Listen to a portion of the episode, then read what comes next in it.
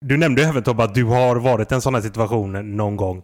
Jag har varit i en sån här situation varje år i Allsvenskan. Först med Guys och sen med IFK Norrköping.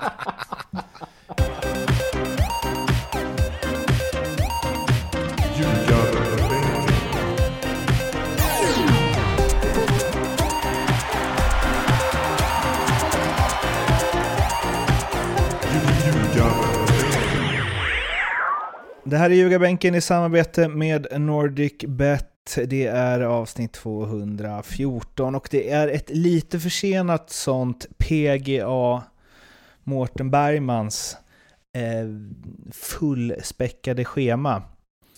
Eh, och det tar jag på mig. Eh, så nu, nu kan ni ställa till det varsin gång. Vad fan hade du för dig då? Eller har ni redan gjort det kanske?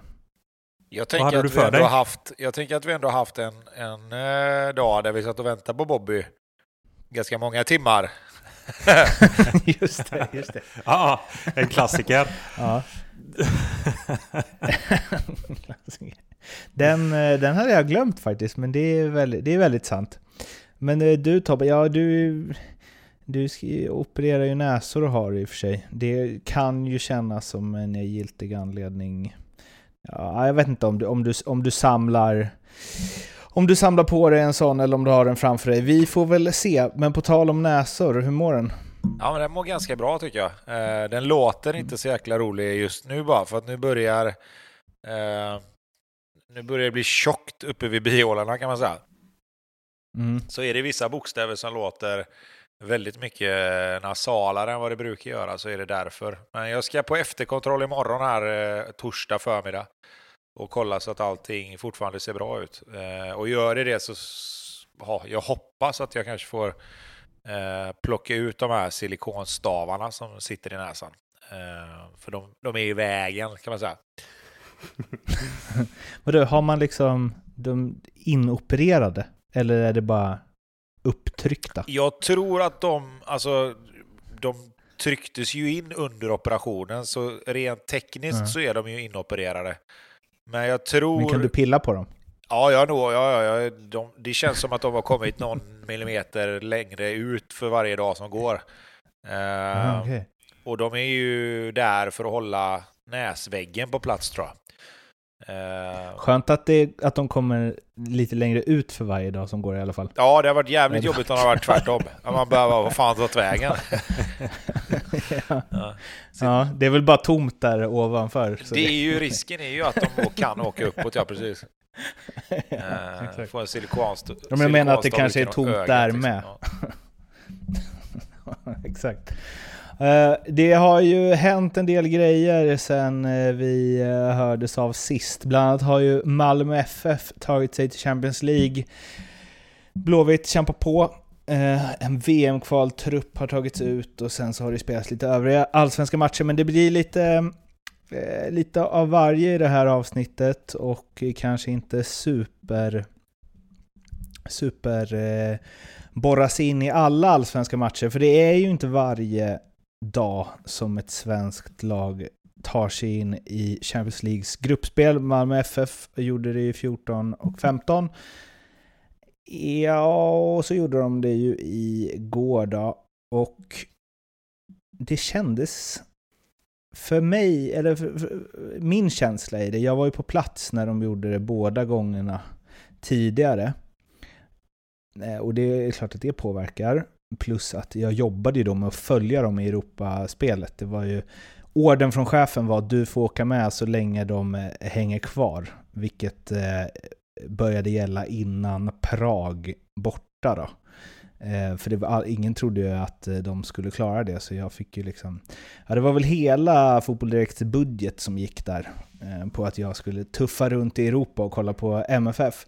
Så det är klart att jag tyckte att det var kul. Nu, men känslan nu var ju, för mig i alla fall, att så här, ja, det var väl inte så konstigt att de gjorde det. Och jag vet inte om det var första matchen som hängde i, att eh, vi pratade om det, hur, hur pass bra de var där. Eh, eller om man bara har vant sig lite. Det var ju några år sedan sist i och för sig. Men det kändes inte lika stort den här gången. Mm, håller ni med? Jag, jag tycker det känns eh, lika stort varje gång ett svenskt lag tar sig till eh, Champions League. Eh, men det är klart, alltså, jag, jag är med på lite hur du menar där. För efter första matchen där eh, så var det ju bud på mer för Malmö. 2-0, ja det är ju det är ett jätteresultat. Mm. Men nu när man har tagit bort det här eh, bortamålssystemet som man har, ja då, då hängde det ändå lite och Ludogorets gör en de gör en jäkligt bra match i, igår. Jag tycker de är riktigt fina alltså. De har ju de här lite halvtouchiga, eh, ja men lite brassar och lite afrikaner där framme som ställer till det. Och det, det är klart att det... Hade de gjort 3-1 där och det hade gått in i en förlängning, då vet det fasen om Malmö hade löst det alltså. Så att, ja, nej, jag satt och bet på naglarna sista kvarten ska sägas. Så att, eh, ja, nej, underbart. Fantastiskt kul. Tobbe, kändes det stort? Även om det kanske inte är den klubb där dina sympatier, ditt hjärta klappar allra nej, hårdast men, Nej, men så, så är det. Men, men om jag ska bortse från det och någonstans gå in och titta, försöka se det på någorlunda neutralt sätt, så är det ju helt fantastiskt att, att ett svenskt lag tar sig till Champions League igen. Uh, jag tycker ju verkligen det. Uh, och, och, jag vet att, att jag hade jättegärna sett att det hade varit Blåvitt givetvis, men, men uh, just nu så är ju skillnaden mellan de två klubbarna eh, 22-4 i avslut och en straff i 99 minuten typ. Eh, men, men det, är ju, det är ju det. Eh, jag tycker det är fantastiskt bra gjort av Malmö.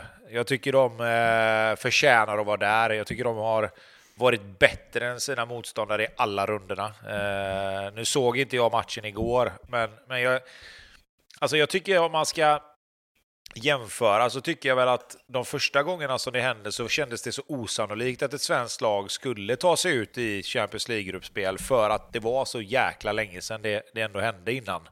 Eh, innan Malmö gjorde det. Nu är det så här, det känns inte som det var sex år sedan. Utan det känns, med tanke mm. på att de har spelat i Europa League-gruppspel och sånt där, så, så känns det som att det, det, det är liksom det, det, känns nästan konstigare att Malmö inte går till ett gruppspel. Mm. och det var det jag kände lite igår också, att när, när, när bulgarerna gjorde 2-1 eh, så kände jag så här, fan, ska de tappa detta liksom? Ska de, ska de strula mm. till det här? Då, då blev man nästan så här, fan det trodde inte jag. Eh, och det gjorde de ju inte heller, så att inte så. Men, men jag hade nästan mer känslan av att vad fan, att det skulle vara en större skräll och lite så här nästan besviken om de inte hade tagit sig till gruppspelet nu. Uh, så att, mm. så att uh, men sen när man alltså, vänta på lottningen och se när det dyker upp lite sköna bollar i den här jävla skålen som man ska plocka där sen. Och du får spela mot PSG och, och Barcelona och sådana här lag. Liksom. Då kan man ju stå där och så bara, ja, det här hade ju varit rätt skoj om det hade varit ens eget lag. Mm. Men det har nog också att göra lite med, känner jag nu, att de låg ju under de kvalomgångarna mot både Salzburg och Celtic så låg de ju under inför avgörandet. Att det påverkar ju, förstås. Ja, och sen, sen, man... sen, det påverkar väl också lite grann att situationen i världen har varit som den har varit. Jag menar, hade det varit Mm. Hade det varit så att det hade varit fullständigt tokfullt på eh, nere i Malmö, nu var det ett jäkla bra drag ändå om man kunde höra från tvn då, men mm. hade det varit fullständigt fullsatt där nere och det hade varit ett djävulskt drag och, och stämningen hade varit som den har varit på de här två matcherna som, som ändå var under de gångerna de har, de har gjort de här helt fantastiska Europakvällarna. Liksom.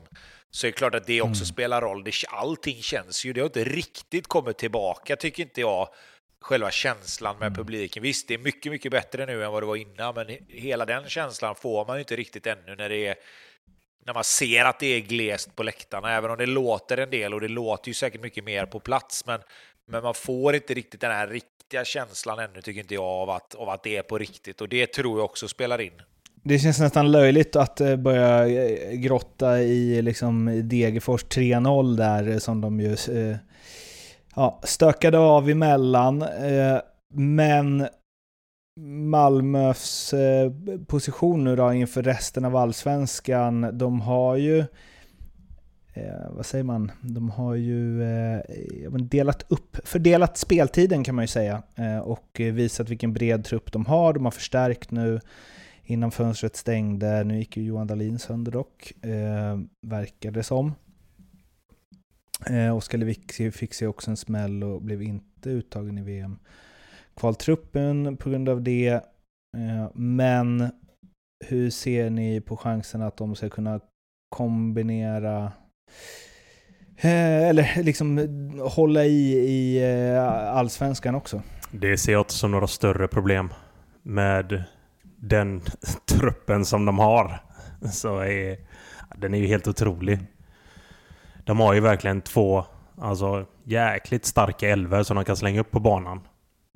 Så att eh, inte ett dugg orolig för att de inte ska klara av eh, båda delarna här. Eh, det är klart att eh, det blir ju jäkligt mycket matcher för dem, så är det ju. Men det är ju också det här man tränar för. Det är ju precis det du tränar för. För att vara redo till att kunna spela två matcher i veckan. Många av de här grabbarna har ju liksom förhoppningar och mål om att komma ut i Europa. Där är ju spelschemat på det sättet. Det är x antal matcher i veckan och då gäller det fasen att man är redo. Så att, eh, nej, det här löser de. Det här är inga konstigheter för dem. Att eh, Malmö får, eh, vad var det, 100 någonting? Var det 150? 170 miljoner eller något för det här? Eh, gör ju, jag såg något att de hade slagit ihop att Malmö själva har typ 120 miljoner mer eh, kapital än alla andra allsvenska lag tillsammans. Vad ställer det för krav egentligen? Inte bara förväntningar utan krav på Malmö FF från och med nu i en allsvensk kontext. Alltså jag har ju varit ganska gnällig mot MFF och menat att de borde varit vara mer överlägsna och vinna allsvenskan ännu oftare och så vidare. Och nu känner jag känner bara ännu mer så nu. Ja, eh, alltså ja, ja vi, vi, hade en sån här diskussion faktiskt häromdagen eh, om hur det skulle bli om, om Malmö går till Champions League och drar ifrån rent ekonomiskt ännu mer. Och för mig så blir det så här att du kan ju inte göra så mycket åt det. Malmö har varit ganska överlägsna rent ekonomiskt under ganska lång tid nu. Eh, alltså, på, på, alltså historiskt sett så är det ju ingen, är det ingen lång tid, men vi snackar ju ändå de senaste ja, 8-10 åren i alla fall, sen, sen de var inne i Champions League och det, och det började liksom den här framgångseran då. Eh, och jag tycker så här att det finns ingenting som något annat lag kan göra åt det här mer än att vara bättre själva. Eh, och, och, just därför så tycker inte jag det är... Liksom, de andra lagen ska inte fokusera så mycket på vad Malmö gör. Malmö har varit ekonomiskt överlägsna de senaste sju åren. De har vunnit vad är det, fy, fyra SM-guld under de sju åren sedan de var inne i Champions League 2014. Va?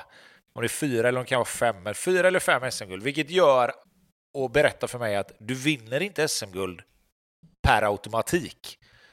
Eh, och det för mig då gör så här att låt dem då liksom springa ifrån nu. Titta inte så mycket på vad de gör, eh, utan se till nu att ha en fungerande verksamhet. Se till att faktiskt nu då göra det här till något bra för svensk fotboll som alla håller på och tjatar om när, när lagen går in i Europa. Använd de här rankingpoängen som det här kommer ge och se till att ta oss in i de här Europa Conference League-gruppspelen, ta sig in i Europa League de gångerna det skulle kunna bli det. Och försök att liksom på det viset äta sig in i någon sorts egen liksom framgångs framgångssaga eller vad fan man ska kalla det. För att det finns inget lag i Sverige som kommer komma ikapp Malmö de närmsta 5-6 åren rent ekonomiskt. Det, det, har jag så extremt svårt att se. Så sluta försök göra det liksom. Utan försök och bara, okej, okay, hur ska vi göra för att ta oss in i ett europeiskt gruppspel? Punkt. Det är det enda de andra lagen ska mm. titta på, tycker jag. För först när du har kommit in en gång, då kan du börja titta på andra saker. Eh, men fram tills ett lag har gjort det så, så, finns det ingen anledning att börja jaga Malmö på det sättet. Och det kommer du inte behöva göra rent sportsligt. För rent sportsligt så kommer inte Malmö vinna allsvenskan med 15 poäng. För det har de inte gjort under de här åren och de kommer inte göra det heller tror jag. Jag läste en eh, jäkla bra grej om det där att eh, det var någon som skrev men, hur dominanta Rosenborg, då var det väl mindre pengar förvisso när de var som mest heta i, i Champions League, men även liksom FCK, att ja, men två lag som skulle liksom springa ifrån och vinna ligan varenda år i tio år sett till förutsättningar gentemot konkurrenterna i sina länder. Eh, men där har det ju skett andra grejer. Det är Mittjylland och det är Molde och det är hej och hå. Eh, och att, ja, men han, jag kommer inte ihåg vem det var som twittrade, men han menar ju på att det gäller ju att foka på andra grejer, liksom spelarutveckling. Kan du inte konkurrera ekonomiskt får du hitta andra vägar. Eh, och det är väl så... Alltså, det är svårt att se att Malmö skulle bli något Juventus och vinna nio år i rad. Även om de går till Champions League nu och typ nästa år. Eller? Nej, jag, jag tror ju inte det. För att jag tror att alltså Malmö kan bara få hit eh, spelare på, på en viss nivå. Alltså även om de har hur mycket pengar som helst så kommer fortfarande inte spelare på, på den allra högsta europeiska nivån vilja spela i allsvenskan. Liksom. Eh, vilket mm. gör att rent sportsligt så kommer de att kunna ha den bästa truppen varje år. De kommer kunna ha spelare 11 till 20 som skulle gå in i alla, alla andra allsvenska lag. Men de kommer aldrig vinna allsvenskan med 15 poäng. För att så bra spelare kommer de inte få hit. Alltså, jag, jag, tror inte, jag tror på riktigt inte det. Sen, det kan hända att de motbevisar mig och bara kör över allt här nu i några år, men jag, jag, tror inte det. Alltså. Jag tror inte den sportsliga skillnaden på de spelarna som är så bra kommer vara så stor att de vinner alla matcher. Liksom. Är du på samma linje Bobby? Jag är helt inne på samma linje. Uh, och historiskt sett så har det aldrig sett ut så i Allsvenskan. Det är, alltså så här, vi får... det är bara liksom att titta tillbaka. Allsvenskan är en så pass jämn serie. Alltså oavsett hur jäkla fin trupp Malmö har så kommer de stöta på X antal problem i Allsvenskan redan i år. De kommer åka på en del plumpar och då finns det Malmö, eller det finns AIK, det finns Djurgården och det finns Elfsborg som, som kommer gneta sina poäng och ta sina poäng. Och det är fasen, alltså, bara titta de här tre, fyra senaste åren. Alltså allsvenskan är så jäkla jämn. Alltså vi, vi snackar om sista omgången i, i, i många av de allsvenska åren där det avgörs. Så att... Eh, nej. Malmö, kommer inte, Malmö är ett powerhouse när det gäller den ekonomiska biten och kommer vara powerhouse när det gäller truppen. Men sätt ut den 11 mot, mot Varberg borta och det kommer fortsatt vara jäkligt tufft. För att ta sina tre poäng. Och så har det alltid varit i Allsvenskan. Nästan alltid i alla fall. Eh, Blåvitt vann ju 90, 91, 93, 94, 95, 96. Och det är väl, eh, jag försöker få in lite positiva blå-vitt-vibbar i den här podden innan vi ska gå över till Eh, senaste matchen. Men det de gjorde då, eh, det, alltså det måste ju vara det som så här, inte så att Malmö bara nu ska vi göra som Blåvitt gjorde för 30 år sedan.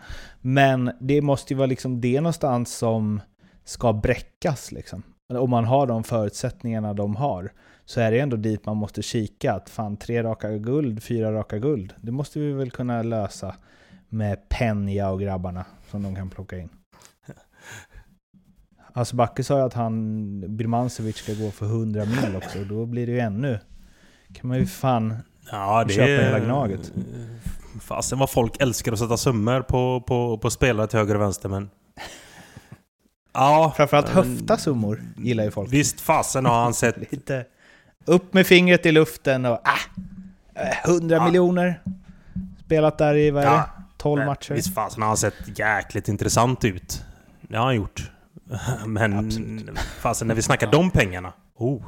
Men och, det ska också sägas att Malmö sitter ju i den positionen i Norden.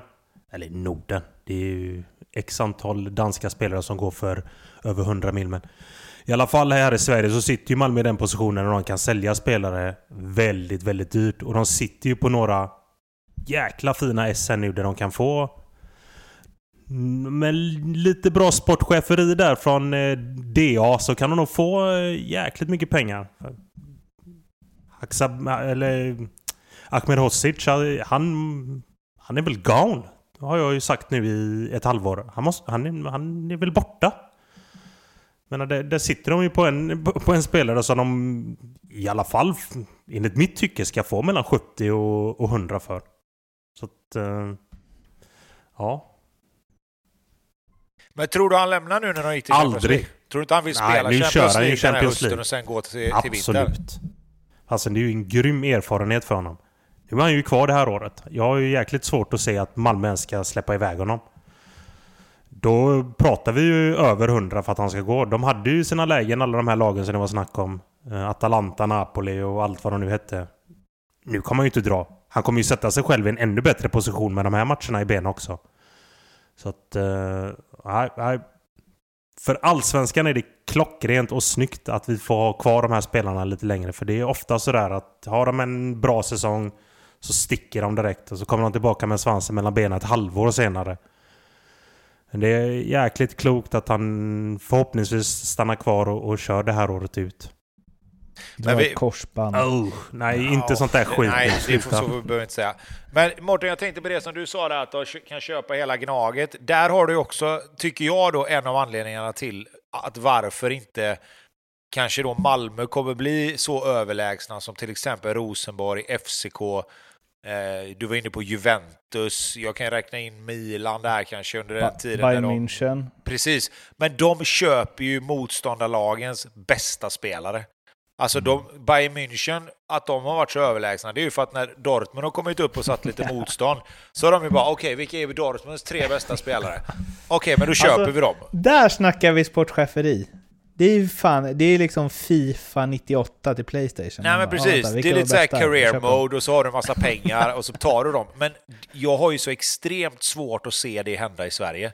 Jag har ju så svårt att se att Malmö liksom bara, okej men vilka, vad har vi här nu? Ja men vi tar Sebastian Larsson, Magnus Eriksson, eh, Fredrik Holst, Johan Larsson och eh, ja men du förstår vad jag menar, Isak Bergman Johannesson liksom. Även om de kanske är rent krasst okej, fan, det hade varit, varit kul att spela Champions League liksom. Men det kommer ju aldrig hända. Alltså det kommer ju aldrig hända att en svensk klubb bara kan gå till sina absolut största rivaler och hämta liksom spelare. Om inte det är så att de kommer från ett annat ställe. Först, jag menar, nu blir det så här, nu kommer den här givna då, jag ser ju den framför mig nu. Ja, men Malmö tog ju Sören Riks gratis ifrån Blåvitt. Och absolut, det, det händer ju. Och jag menar, folk har gått mellan Blåvitt och AIK, och folk har gått mellan AIK och Djurgården, och det, liksom, det händer absolut. Men jag har ju svårt att se att Malmö skulle kunna plocka någon av de bästa spelarna i sina största rivaler, alltså rent sportsligt nu. Eh, och, och därför så kommer inte de lagen försvagas på det sättet som kanske det blir i de andra ligorna. Att Rosenborg liksom, okej, men vi tar de bästa spelarna i norska ligan. Det är så bara. Mm. Men eh, fan, eh, ja, kanske ändå väl. Om det... Man kan ju se liksom att de mest talangfulla spelarna i Elfsborg och Norrköping och så hade kunnat... Alltså, Isak Bergman Johannesson, mm, men liksom om man är lite under han, att man ändå är så här... Man kommer vara en toppallsvensk spelare och kan, ja men lite januari-turnéer och grejer. Det, kan man inte se dem göra det ändå? Eller tror du att det, kommer, det kanske kommer vara mer så här Ulvestad som drar, inte riktigt får det att flyga, ska hem. Alla tänker, ja det är klart han kommer till Djurgården. Och så går han till Malmö istället. Det kanske är sådana snarare. Ja, Men jag alltså, tror, fan, jag sen- tror fan de kommer börja plocka, alltså... Jo, men, men alltså att om, om de skulle plocka liksom... Om de skulle plocka till exempel den som är under Isak Bergman Johannesson då säger vi, i, om, vi om vi leker med tanken att Norrköping har en spelare då som, som, som, som är snäppet under Isak Bergman Johannesson. För Isak Bergman Johannesson, de köper ju inte en spelare från Norrköping för 70 mille liksom. Nej. Alltså det, det gör de ju inte, för då sätter de ju dels Norrköping i en mycket bättre sits rent ekonomiskt, vilket jag inte tror att de vill göra. Eh, men, men är det då en toppallsvensk spelare just där och då? Alltså förstår du vad jag menar? Alltså Bayern München köpte ju Robert Lewandowski när han var bäst i serien från Dortmund liksom. Han kom ju, de plockade ju dem gratis typ. Alltså deras kontrakt gick ut och de tog dem gratis. Samma med Hummels, samma med Götze. Jag har ju så svårt att se det hända i, i Sverige liksom. Mm. Men jag kanske är sjukt naiv bara. Men, men jag, jag tror fan inte det alltså. Ger det är det fyra månader som drar Marcus Berg på sig nummer 33 i MFF.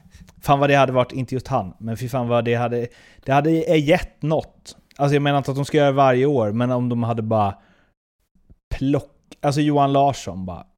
Så, vi kan betala mer, vi har roligare matcher. Ska du inte vara här istället? Fast jag tror på riktigt, och jag hoppas att de spelarna, nu kanske Johan Larsson var ett dumt exempel då, men de spelarna, han, han går ju inte till Malmö oavsett. Liksom. Alltså samma Marcus Berg, liksom. den sportsliga delen den finns ju inte på kartan. Liksom. Och då har ju inte Marcus Berg gått till Blåvitt nu heller. Utan där handlar det ju om andra saker. Liksom. Johan Larsson, tror du inte Malmö hade kunnat... Nej, aldrig. Han hade aldrig mm. spelat någon annanstans än Elfsborg tror jag. Mm. Ja, det är fint. Eh, det, vi ska vara glada att vi har det. Eh, men ja, vi har kommit inte till några konkreta siffror. Vi pratat om MFF en halvtimme snart, men vi, vi kommer inte till några konkreta. Vad är godkänt? Från och med nu då? De, eh, de skillnader som finns mellan MFF och resterande allsvenska lag just nu. Är, hur många guld närmsta fem åren? eh, va?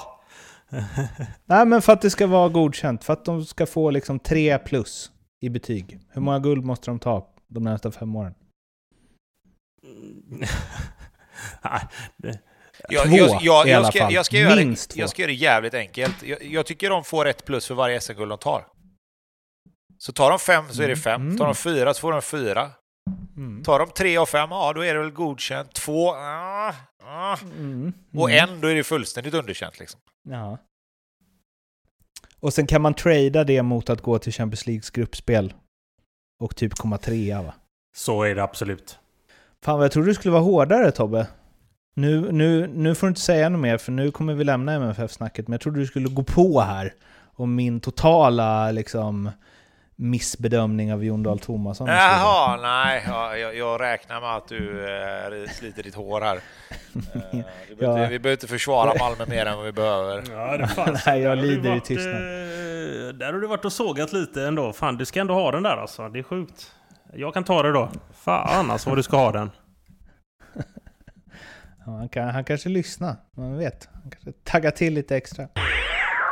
Eh, nu ska vi prata om eh, ett storlag, eller en stor förening som det inte går så himla bra för just nu. Vi har varit inne på det några gånger och eh, om man då ser att MFF inte är ditt favoritlag Tobbe, så har du ju haft en eh, kämpig vecka.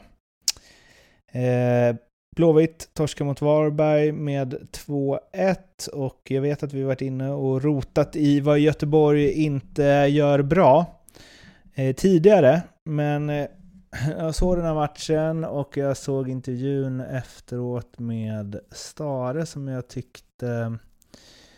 Eh, han, han pratar mycket om att de inte var, är stabila att det finns grejer liksom offensivt och det finns goda intentioner och så vidare, men att de inte är stabila. Samtidigt som fem av de sex senaste matcherna så har de hamnat i underläge inom första 20.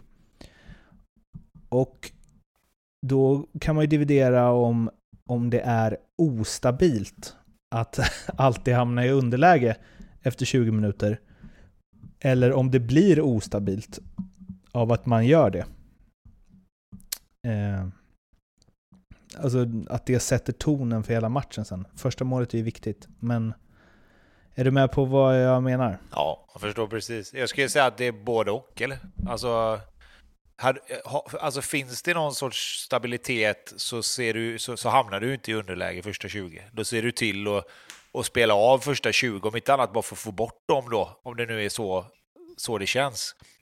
Mm. Eh, sen är det klart att med tanke på hur den mentala statusen och, och liksom hur kravbilden, förväntningarna, stressen som byggs upp blir på Blåvitt för varje gång de gör sådana här matcher och, och det blir sådana här missberäkningar. Det tror fan att det blir ostabilt om du släpper in mål tidigt gång på gång på gång. Alltså det, stressen när det är 0-1 målet kommer mot Varberg måste vara skyhög. Alltså, du måste ju, alltså, man ser ju på jag har ju varit i den situationen någon gång själv där man känner att fan, liksom, okej okay, nu vann vi mot Malmö här, det kanske inte var så jävla rättvist, men fan, ta den här hemmavinsten här nu bara köra och få två vinster i rad och liksom kunna titta uppåt lite mer och liksom få med sig lite supportrar som ändå liksom någonstans efter Malmö bara fan kom igen nu, nu tar vi den här och sen är det derby liksom. Och så blir det liksom bara fullständigt pladask igen. Alltså det, det, måste ju vara, alltså jag vet att det är det, men, men även för de som är där nu som har varit med så länge, det måste vara fruktansvärt alltså. Uh, alltså det måste vara så jäkla jobbigt. Och sen någonstans så, så vänder man ju på det och, och liksom hur fan kan det se ut som det gör? Alltså det, det är för mig helt jävla otroligt. Uh, om, det, vi var inne på liksom, det förut med... Ja, fortsätt. Nej, jag, jag bara, nej men jag, jag, jag, blir så här, när man då äntligen får med sig den här energin ifrån Malmö-matchen liksom, och äntligen får med sig ett resultat som kanske inte riktigt liksom, okej, okay, det här hade vi inte riktigt räknat med. Även om de hade spelat ut Malmö och vunnit 3-0 så är det ingenting man räknar med att åka ner till Malmö och vinna.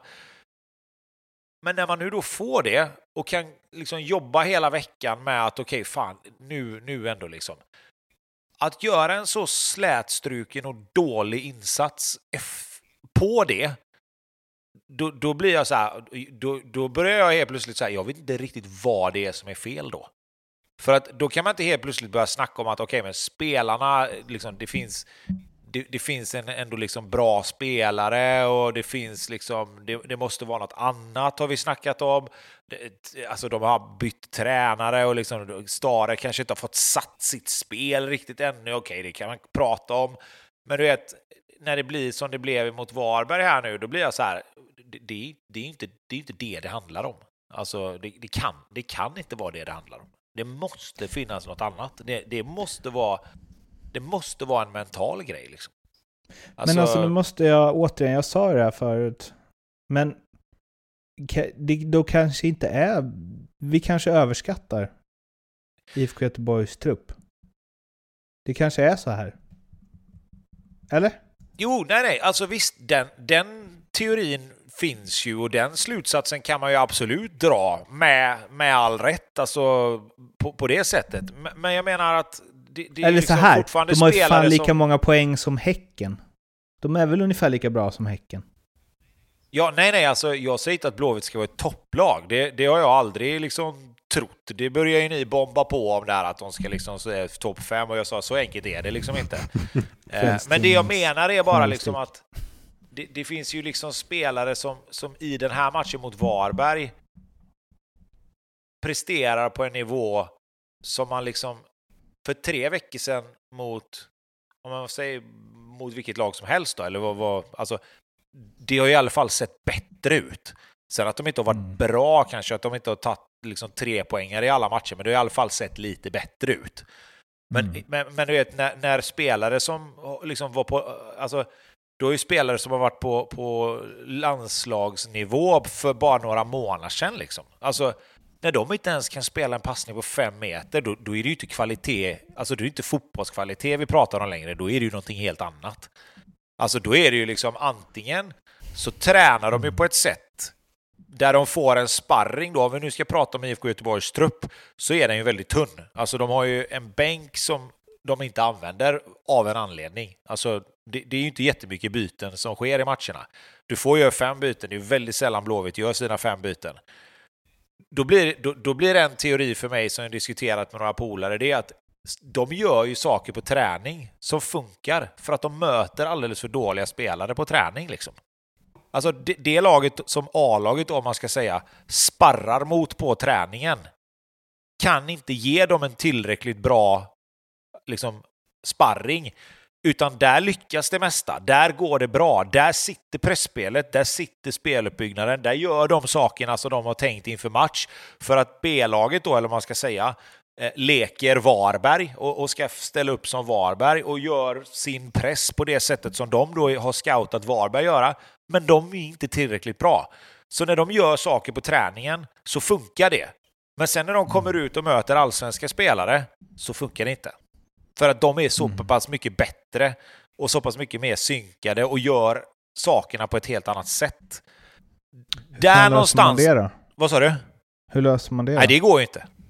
Det, det, det, det, nej, men alltså det går ju inte att göra någonting åt att, att Blåvitt spelar 11 till 22 inte är lika bra som Varberg, det, det kan du inte göra någonting åt. Alltså, du, visst, du kan ju utveckla spelarna och du kan ju se till att okej, okay, men det här måste vi göra bättre och så här måste vi göra, men det löser du inte bara på, på ett nafs liksom. Mm. Uh, utan då får du, men då, då får man ju kanske hitta ett annat sätt att förbereda sig för matcherna liksom. Mm. Då, då, får du, då, får du göra, då får du hitta ett annat arbetssätt. Jag säger inte att det är så, men där är en teori som har dykt upp i, i liksom, om man säger blåvita kretsar som jag har liksom någonstans ändå börjat tänka vidare på att oh, fan, någonstans, det kan ligga någonting i det, alltså mm. ändå liksom. Eh, Bobby, det som vi var inne på där i början, att de släppte ett första 20 i fem av de sex senaste mm. matcherna.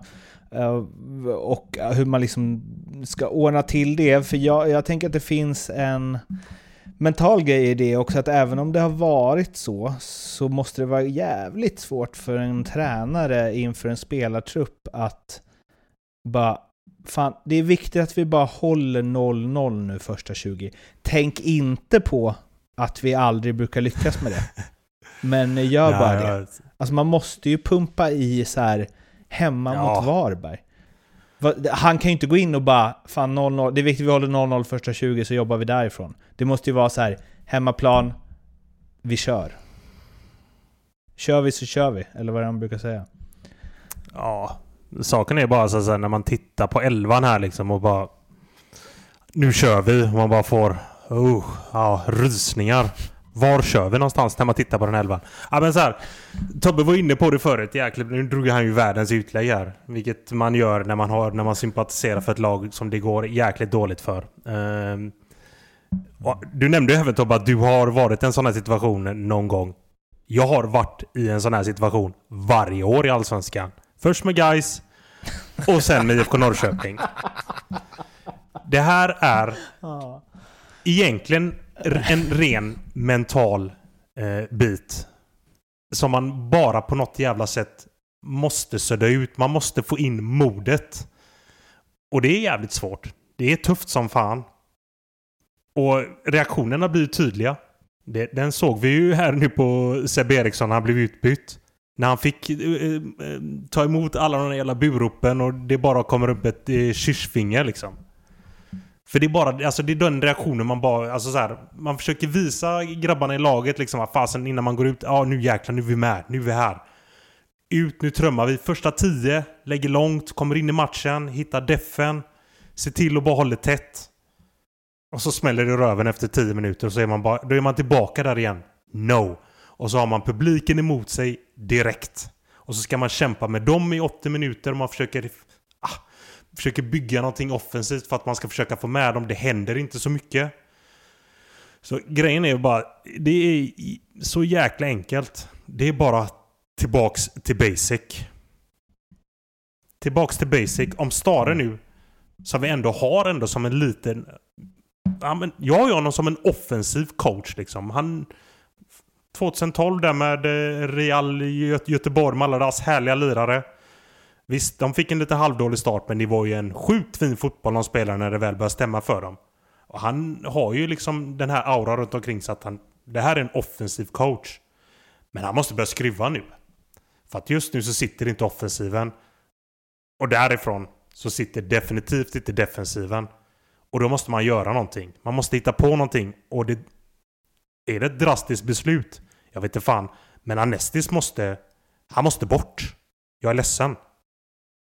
Nu är det inte mycket hans fel de här två målen som de släpper in men jag menar fan, det känns som om spelarna runt omkring inte känner tryggheten i sin keeper. Det är det värsta som finns när man är i ett sånt här lag. Och jag har ju varit i de här lagen där det bara har bytts ut målvakter till höger och vänster bara för att hitta någonting. Det kan vara en väg att gå. Nu vet jag inte vad de har bakom. Så jag, ska, jag kanske inte ska uttrycka mig så mycket. Det är Ole Söderberg i så fall. Fasen, ge honom chansen. Och älskar Olle Söderberg. King.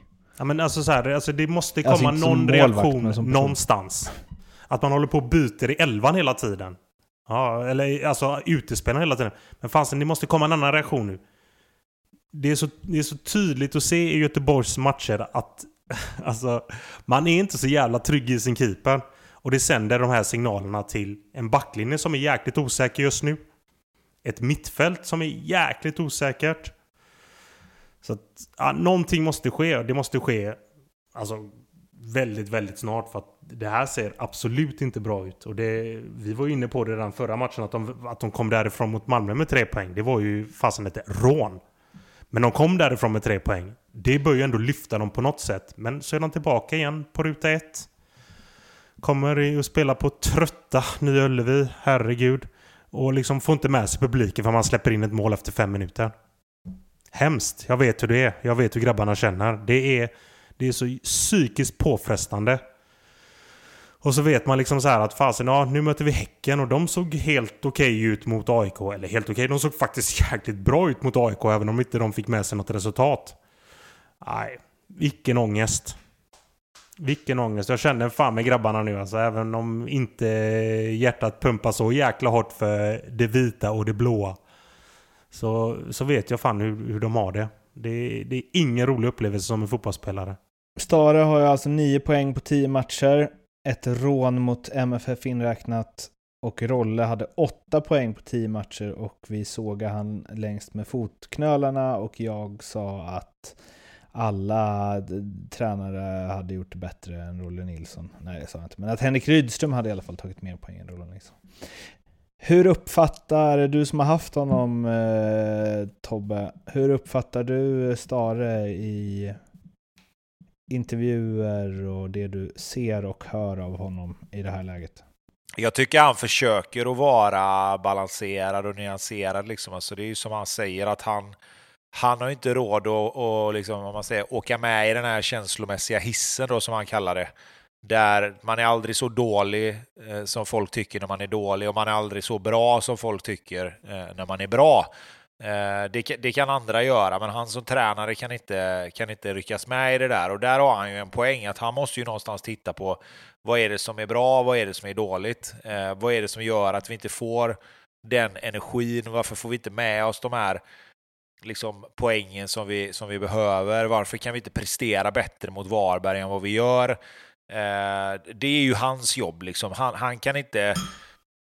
Han, jag läste någonstans att, han, att, att, att folk vill att han ska bara totalsåga spelarna efter en sån här match. Och det går ju liksom inte att göra det riktigt. Alltså, för att någonstans är det ju så här att han ska ändå in i det där omklädningsrummet sen efteråt och, och, och se folk i ögonen. Liksom. Och jag tror inte att han jag tror inte att han vill eh, just nu liksom trycka ner de här spelarna i skorna ännu mer. Och det, det är liksom...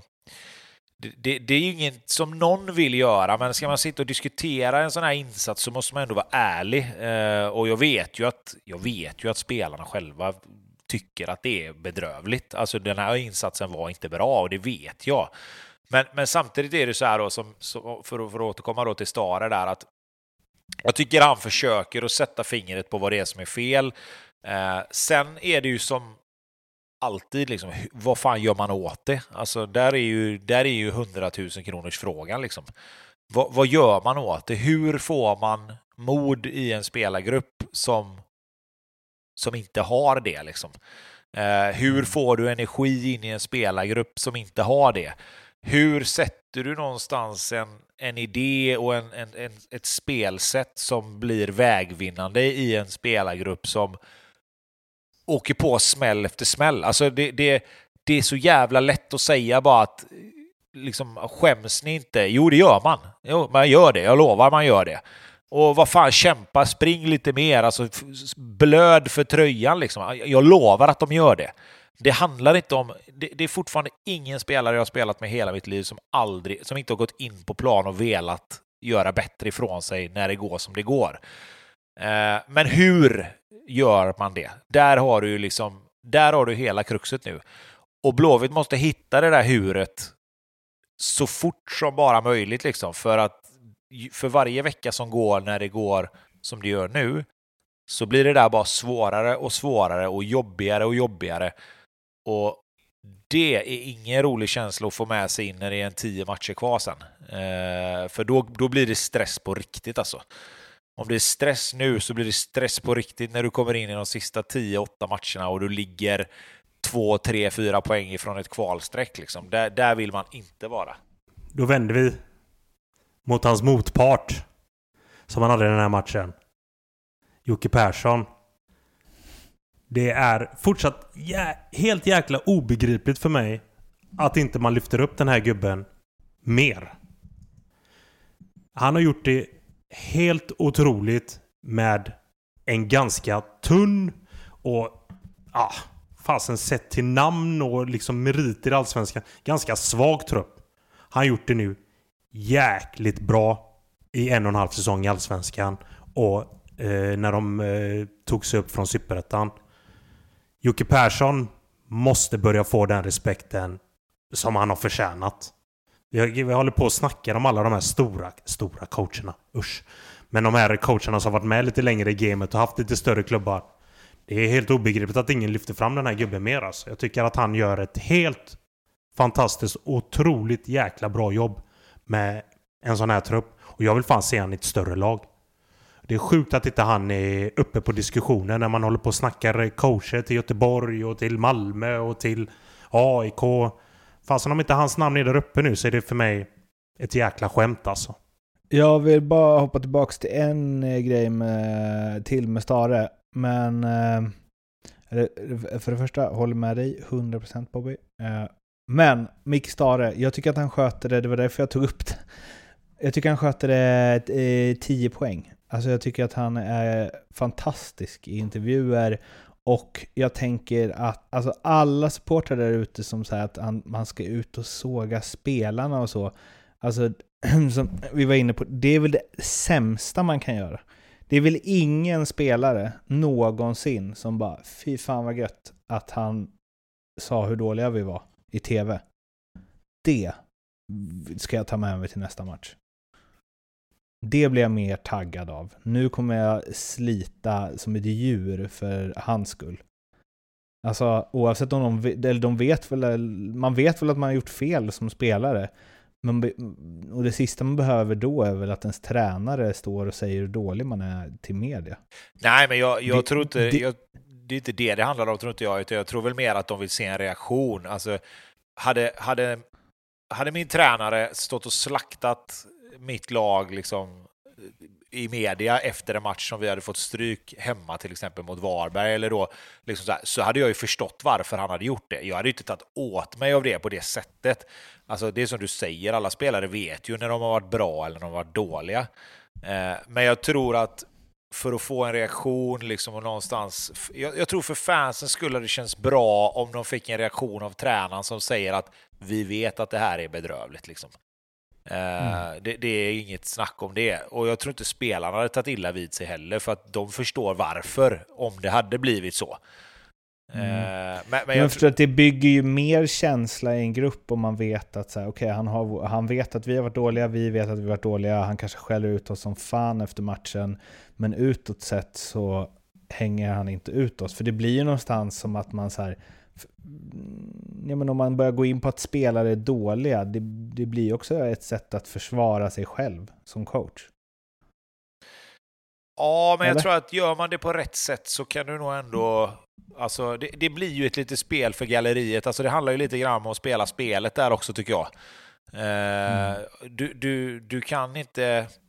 Alltså jag tror att många, många Blåvitt-fans är, är väldigt, väldigt frustrerade. Jag skulle säga att frustrationen kommer av en rädsla också, att det faktiskt kan gå åt helvete. Liksom. Eh, mm. och, och, det är helt otänkbart i, i mångas ögon. Liksom. Och jag tror att den rädslan börjar krypa sig på nu när det liksom, då om man säger en tredje tränare på relativt kort tid som inte riktigt får ordning på det.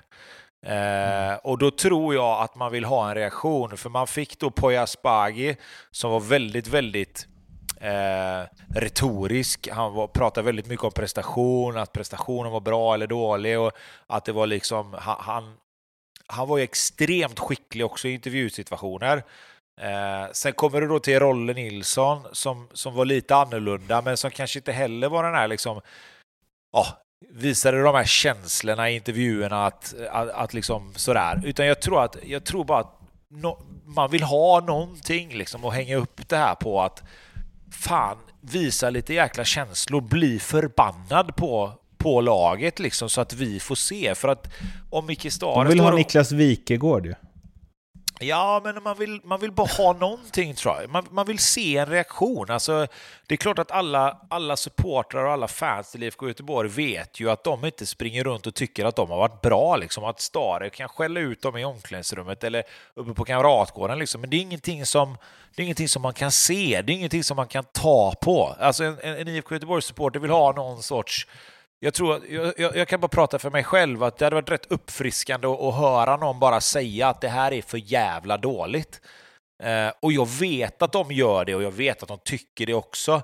Men, men det är ju liksom, det är skillnad på mig då som, som känner halva laget, som känner hela kamratgården, som vet hur det funkar. Liksom, jag är ju ingen, om man säger, vanlig supporter på det sättet som, som jag, jag har varit in på insidan så länge så jag vet ju vad som händer emellan de här matcherna. Jag vet ju vad som händer i paus. Jag vet ju vad som händer efter matchen och dagen efter och två dagar efter.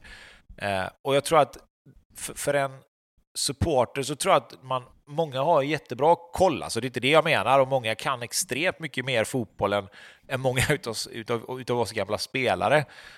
Men de har inte varit på insidan så man kan liksom inte säga okej okay, men det här och det här händer och det är därför jag tror att de, de vill bara ha någonting som gör att de känner att okej okay, men fan de bryr sig liksom. Folk bryr sig ändå. Mm. Ja, det där... Um, ja, men så kanske jag kände när jag var typ 15 också. Men vad fan. Nej, jag vet inte. Det är väl bättre att det blir bättre än att någon bryr sig.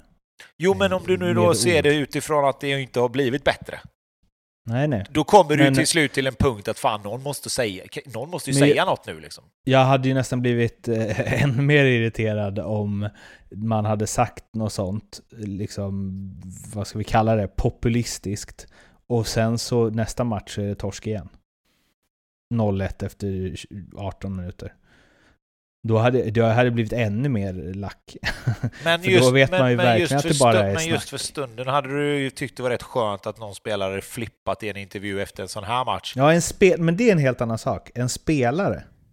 Det, alltså när ja, Patrik Zackrisson, Leksands lagkapten, bara slog ner en papperskorg här om året. Sen plockade han ju upp den igen direkt efteråt, vilket ju förstörde lite av hela grejen.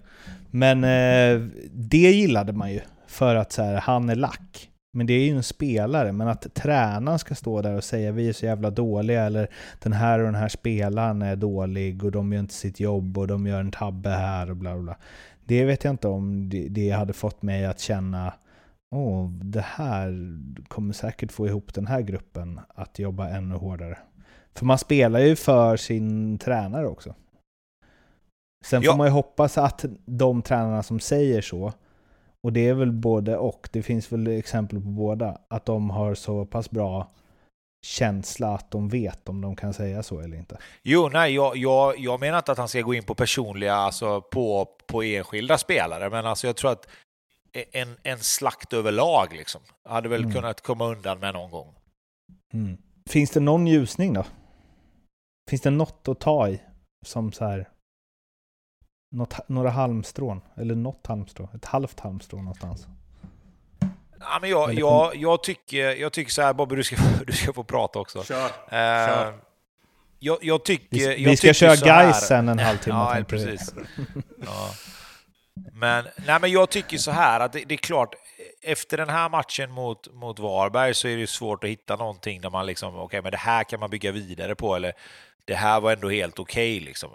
Eh, så, så, så, så just efter den här matchen så, så finns det inte jättemycket liksom att, att, att, att liksom greppa tag i. Utan det, det man i så fall, jag tänker, det är att man liksom någonstans, okej, nu har vi gjort två sådana här matcher mot Varberg. Liksom. Två matcher mot Varberg som har varit under all kritik. Vi snackade om inför förra gången att nu får det aldrig vara så här tafatt mer. Och nu kommer en sån här match till. Nu räcker det liksom. Alltså om det inte gjorde det innan så gör det det nu. Då får det liksom, nu måste någonting hända. Och om det är att de skiftar om, i, i liksom, kanske byter någon position, sätter in någon spelare som de inte har spelat med innan, ger, alltså kanske spelar Robin Söder och Marcus Berg nästa match, de kanske spelar eh, liksom, eh, Kolberg Sigthorsson, de kanske spelar en forward. Alltså, du vet, att, att man gör någonting för att visa att okej, okay, nu har det varit liksom, nu räcker det. Nu är det så här. Jag tror inte att de ändrar på det sättet, men, men någonting för att visa liksom att okej, okay, jag, jag, jag tror fortfarande på det här och det är inga konstigheter, men nu är det eran tur liksom. Vi behöver energi här nu. Eh, Ta den som skjuter hårdast och sätter han själv på topp. Ja, precis. Ta det därifrån. Precis, precis. Gör något oväntat, rör om i grytan. Ja. Eh, Bobby, vad händer hos dig? Nej, nej, jag sitter här och lutar mig tillbaka och bara hör Tobbe ja, men gå loss på sitt egna lag. där. Man vet ju själv hur det är som gaisare. Så att man sitter ju där och... Fasen, redan igår när jag satt och kollade på Jönköping Södra mot Gais så satt man ju där och ja, spydde galla. Så jag vet hur det är. Jag vet precis hur det är. Det är bara kör Men Tobbe, du, fan. Eh... Kör, kör, kör. Ut med känslorna. Säg, säg. det härliga var också, du, du vill inte nämna gubbarna med namn. här då, när... Eh... Nej, men det, det, var så härligt där. Han, han vill inte riktigt nämna sina boys vid namn, men när han, när han sa att ah, men fasen för några månader sedan så spelade de eh, landskamper för något landslag och så nu kan de inte slå en passning rätt. Ut med namnen Bagge, men vi vet vilka du syftar på.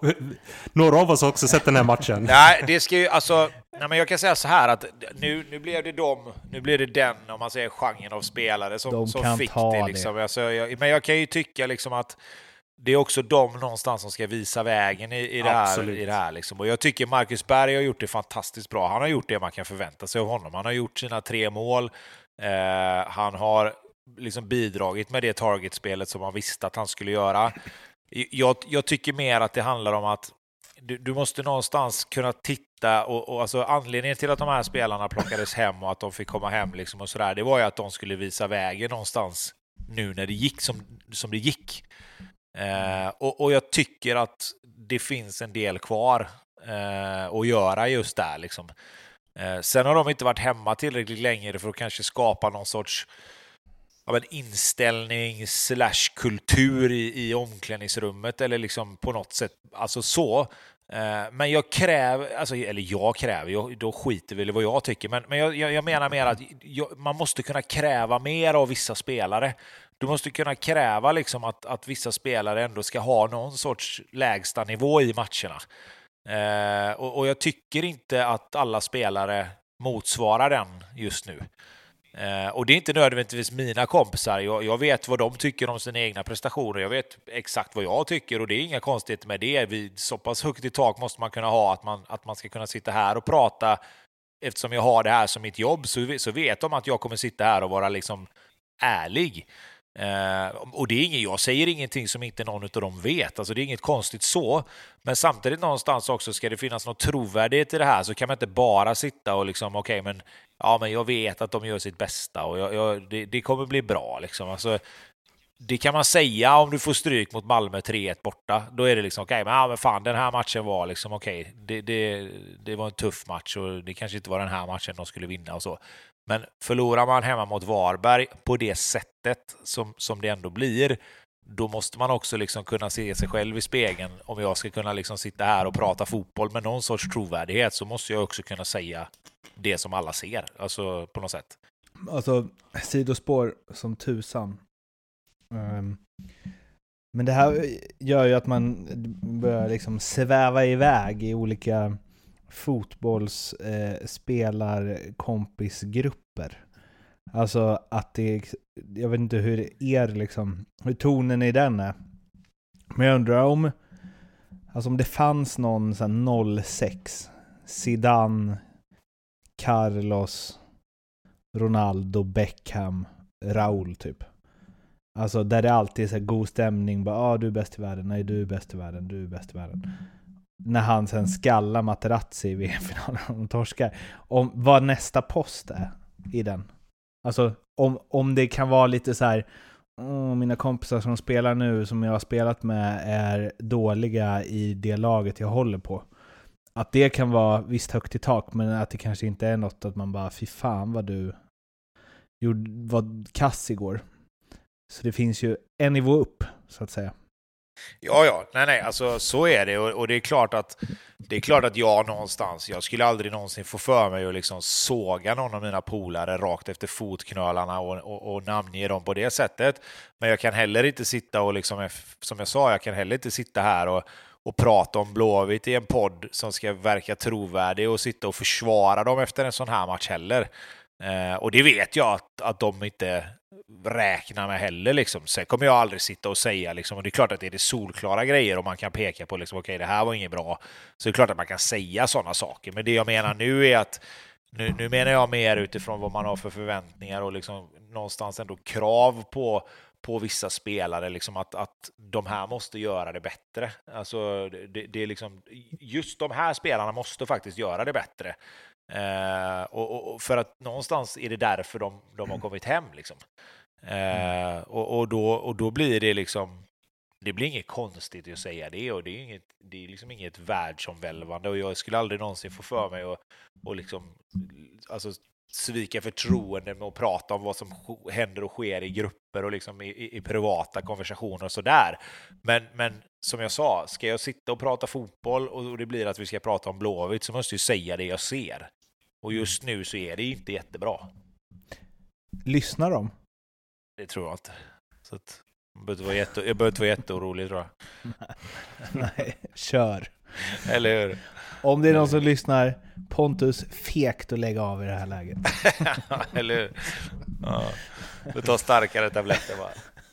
ja, exakt. Eric Lindros hade inte lagt av i det här Nej. Och du börjar inte prata Eric Lindros med honom, för då jävla smäller det alltså. okay. det, det ska du göra. Vill du, vill du vigla upp honom och ha en bra konversation honom så ska du påstå att Peter Forsberg var bättre än Eric Lindros, för då jävlar du.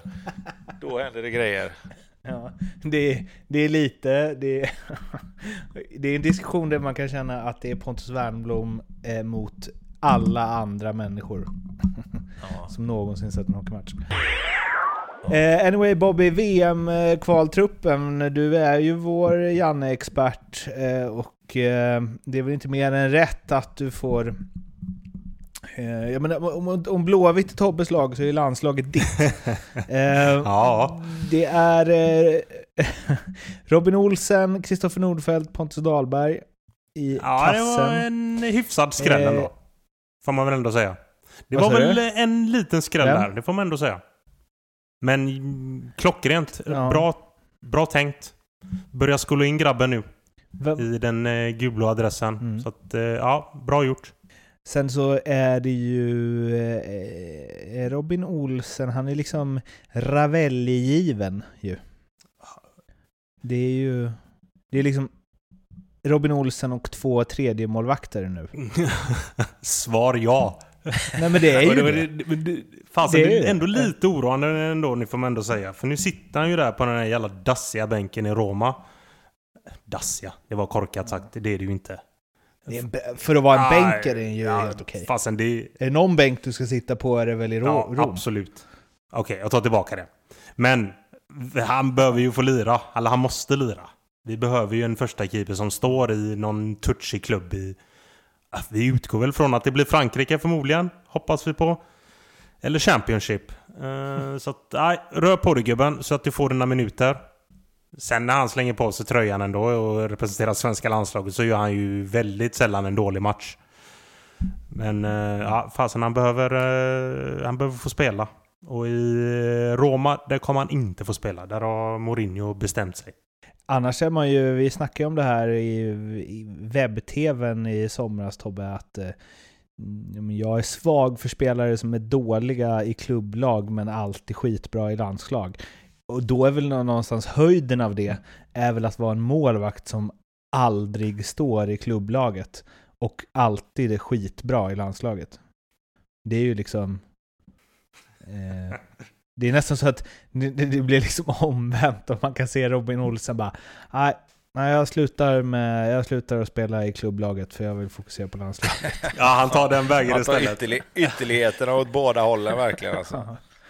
Eh, sen har vi en eh, försvarsuppsättning med Augustinsson, Danielsson, Helander, Mattias Johansson, Kraft, eh, Jocke Nilsson, eh, Lindelöv, Martin Olsson och Kalle Starfelt.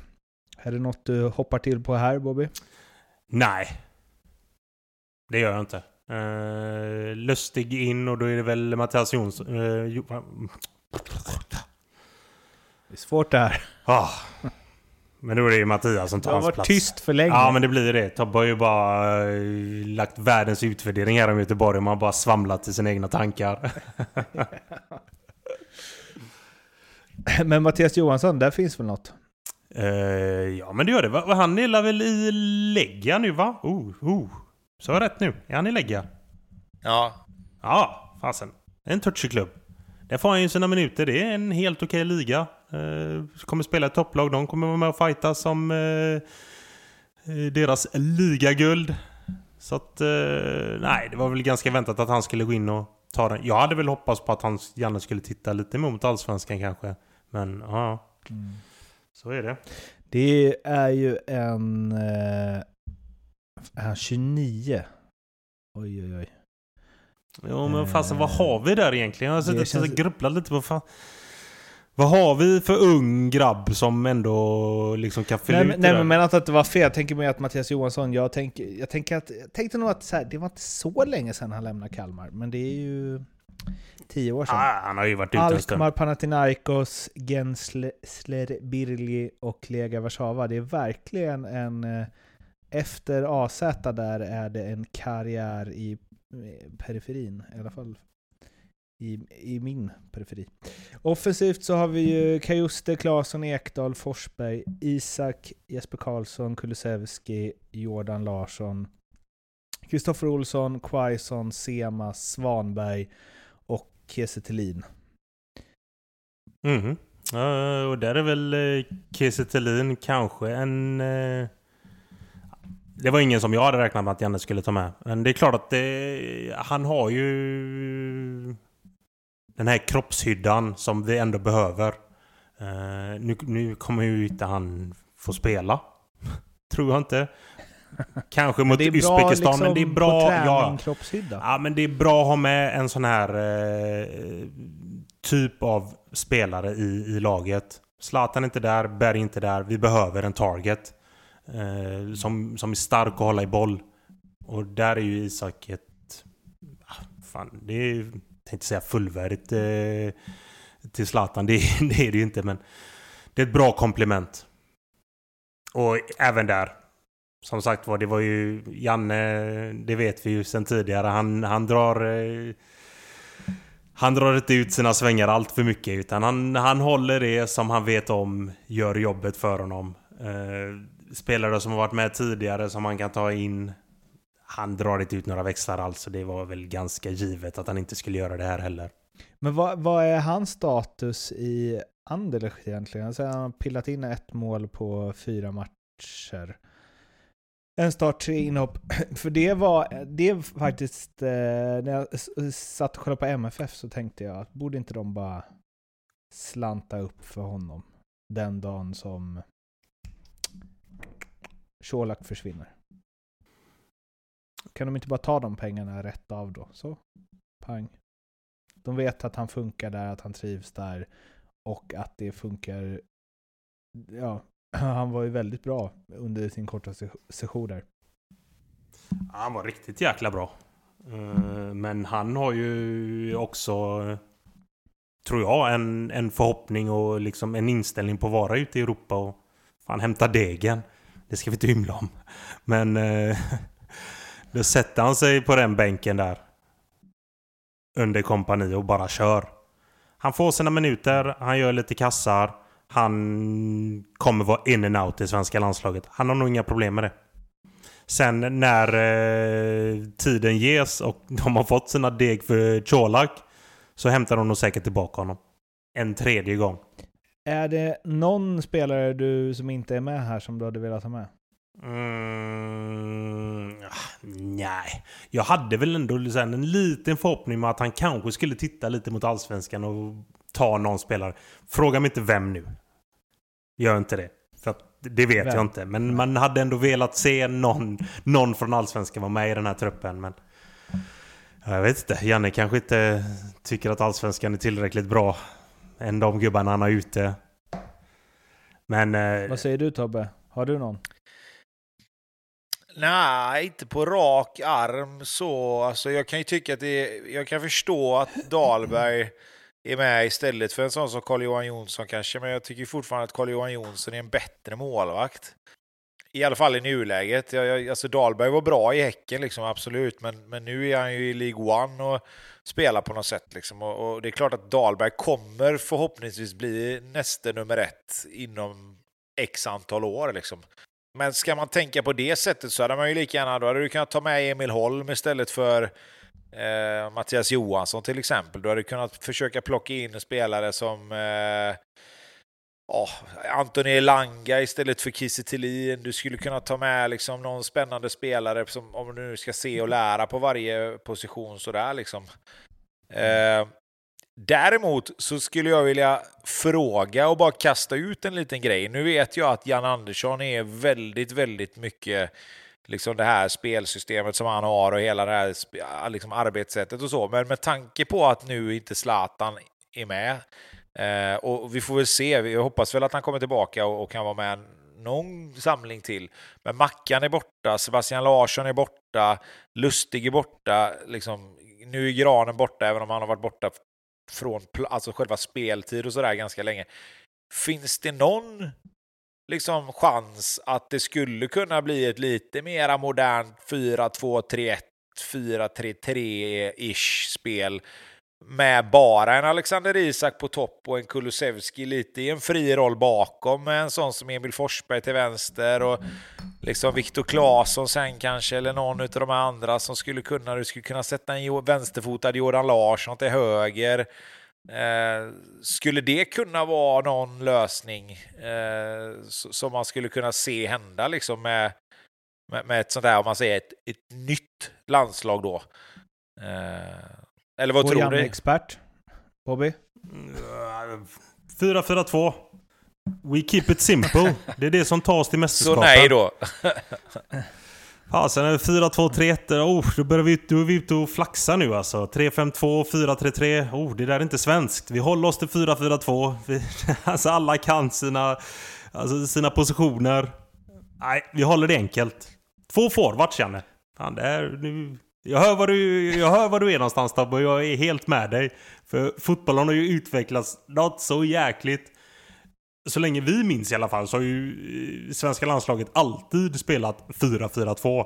Det kan ha varit lite så här enstaka matcher. Ah, fast nu möter vi det här laget, nu måste vi spela 4-5-1. Men det har aldrig varit liksom mer framåtlutad, lite mer touchigt 4-3-3 eller 4-2-3-1. Så att, oh, när man tänker på det så får man rysningar. Vi håller oss till 4-4-2 så länge det tas till mästerskap. När det börjar hända lite andra grejer, ja då får vi börja tänka om. Det, ja, de hade verkligen kunnat matcha ett fint lag alltså. Om de hade ruckat lite på spelsystemet. Ja, det alltså, finns... På, på, pappret i alla fall. Eller fin, ja men ett, man hade, jag känner, taggat till. Om vissa, vissa spelare hade kunnat kombineras ihop liksom. Men ja. Ja, och det man får tänka på också att det finns ju inte en enda spelare i landslaget som är...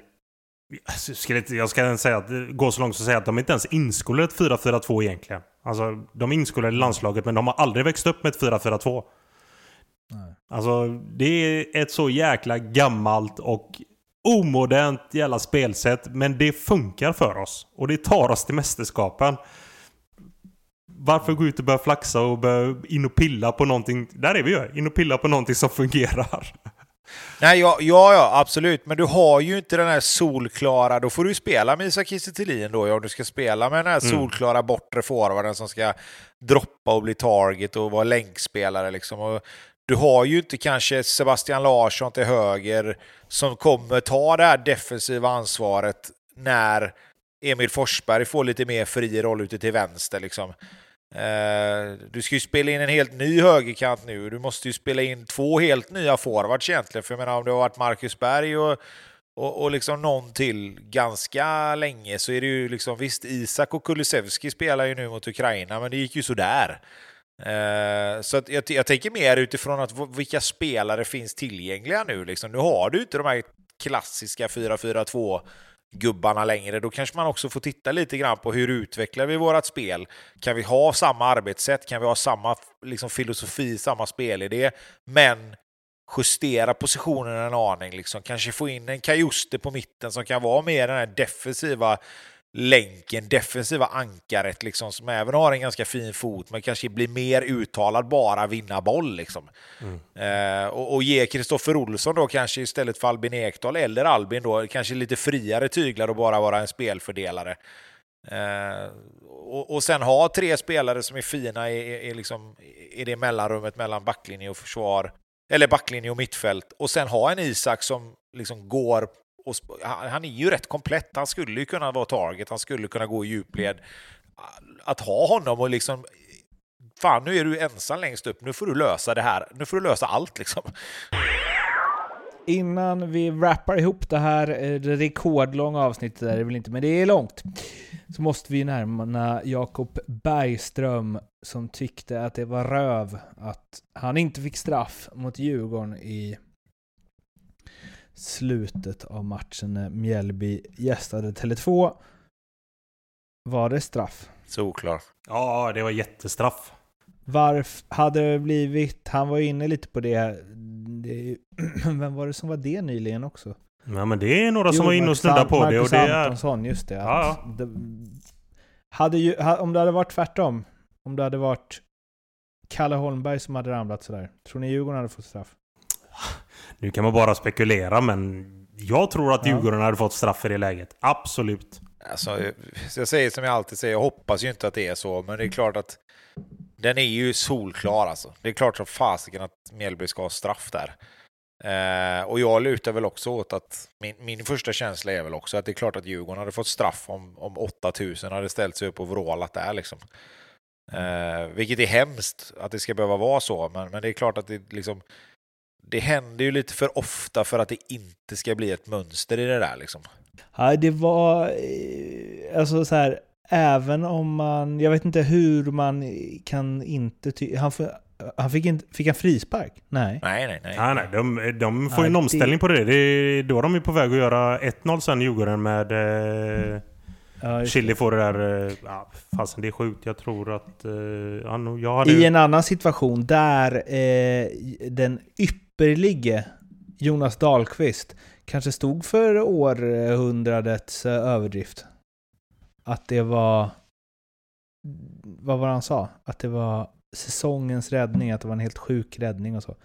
Fasen han skjuter ju på honom för fan. Han vad sa du? Han, alltså han får ju skottet rakt på sig. Det är ju... exakt så. så. Exakt så.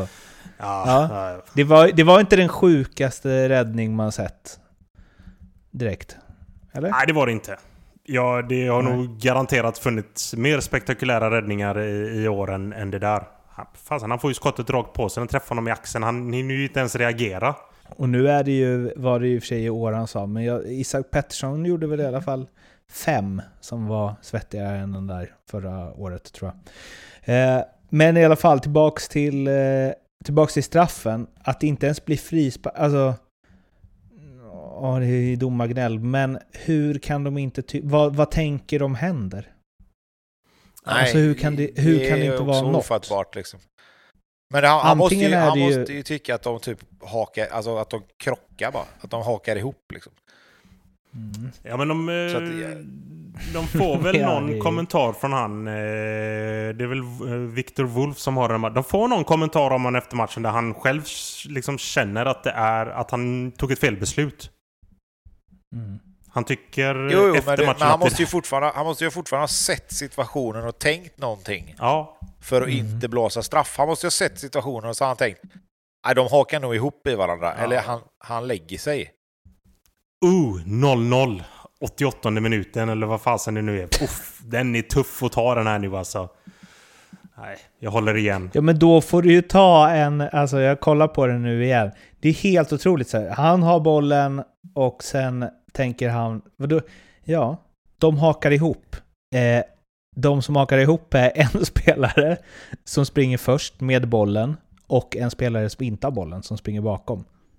Och om man hakar ihop med en anfallande spelare med boll så brukar det väl bli frispark eller straff. Ja, den är... Även Ja, ja, om det nej, inte nej, är nej, nej. Jag, meningen jag att haka bara ihop. tänker vad han måste trott att han har sett liksom. Ja. Ja, den är, är otrolig. Och till folket då som inte har sett intervjun efter matchen med, med Bergström. Snälla se den. Alltså vilken underbar människa. Om inte han får eh, liksom tv-tid i någon studio sen efter karriären är slut så fattar jag inte vad som är fel. Han är så... Ja. vilken klockren person alltså. Varje gång han är framför den där micken så säger han alltid en klockren punchline. Och nu sa han att det var röva. Helt underbart. Ni som sitter och eh, längtar nu efter en och en halv timma efter Leopold Neurath, ni får faktiskt eh, vänta en vecka till för Leopold är på AV och har nog glömt bort den här inspelningen. Så vi har inga odds, men det finns eh, eh massa allsvenska odds på eh, Nordic Bet om ni vill in och kolla där inför kommande omgång. Kom ihåg att spela ansvarsfullt och att du måste vara minst 18 år för att spela och behöver du hjälp eller stöd så finns stödlinjen.se. Det var allt för Ljugarbänken den här veckan. In och följ oss på Instagram så hörs vi om en vecka. Ja, vänta lite nu. Ja. Nu har det gått, nu, nu är det en vecka här där jag har fått in två spel på samma vecka. Så det måste vi ändå nämna. Jag fick ändå in att häck, det galna 2-11 AIK-oddset där. Att de skulle slå Häcken och att Blåvitt och Varberg båda skulle göra mål. Nu blir ju inte riktigt resultatet så som jag hade trott kanske, men eh, Robin Söders mål där gör ju ändå att jag pillar in den. Och sen uppe på det så Ludogorets att göra första målet, Malmö att båda lagen att göra mål och Malmö att gå vidare.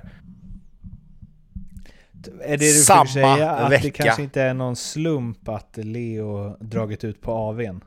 Jag tänker att han eh, har lite att förklara för sina chefer där.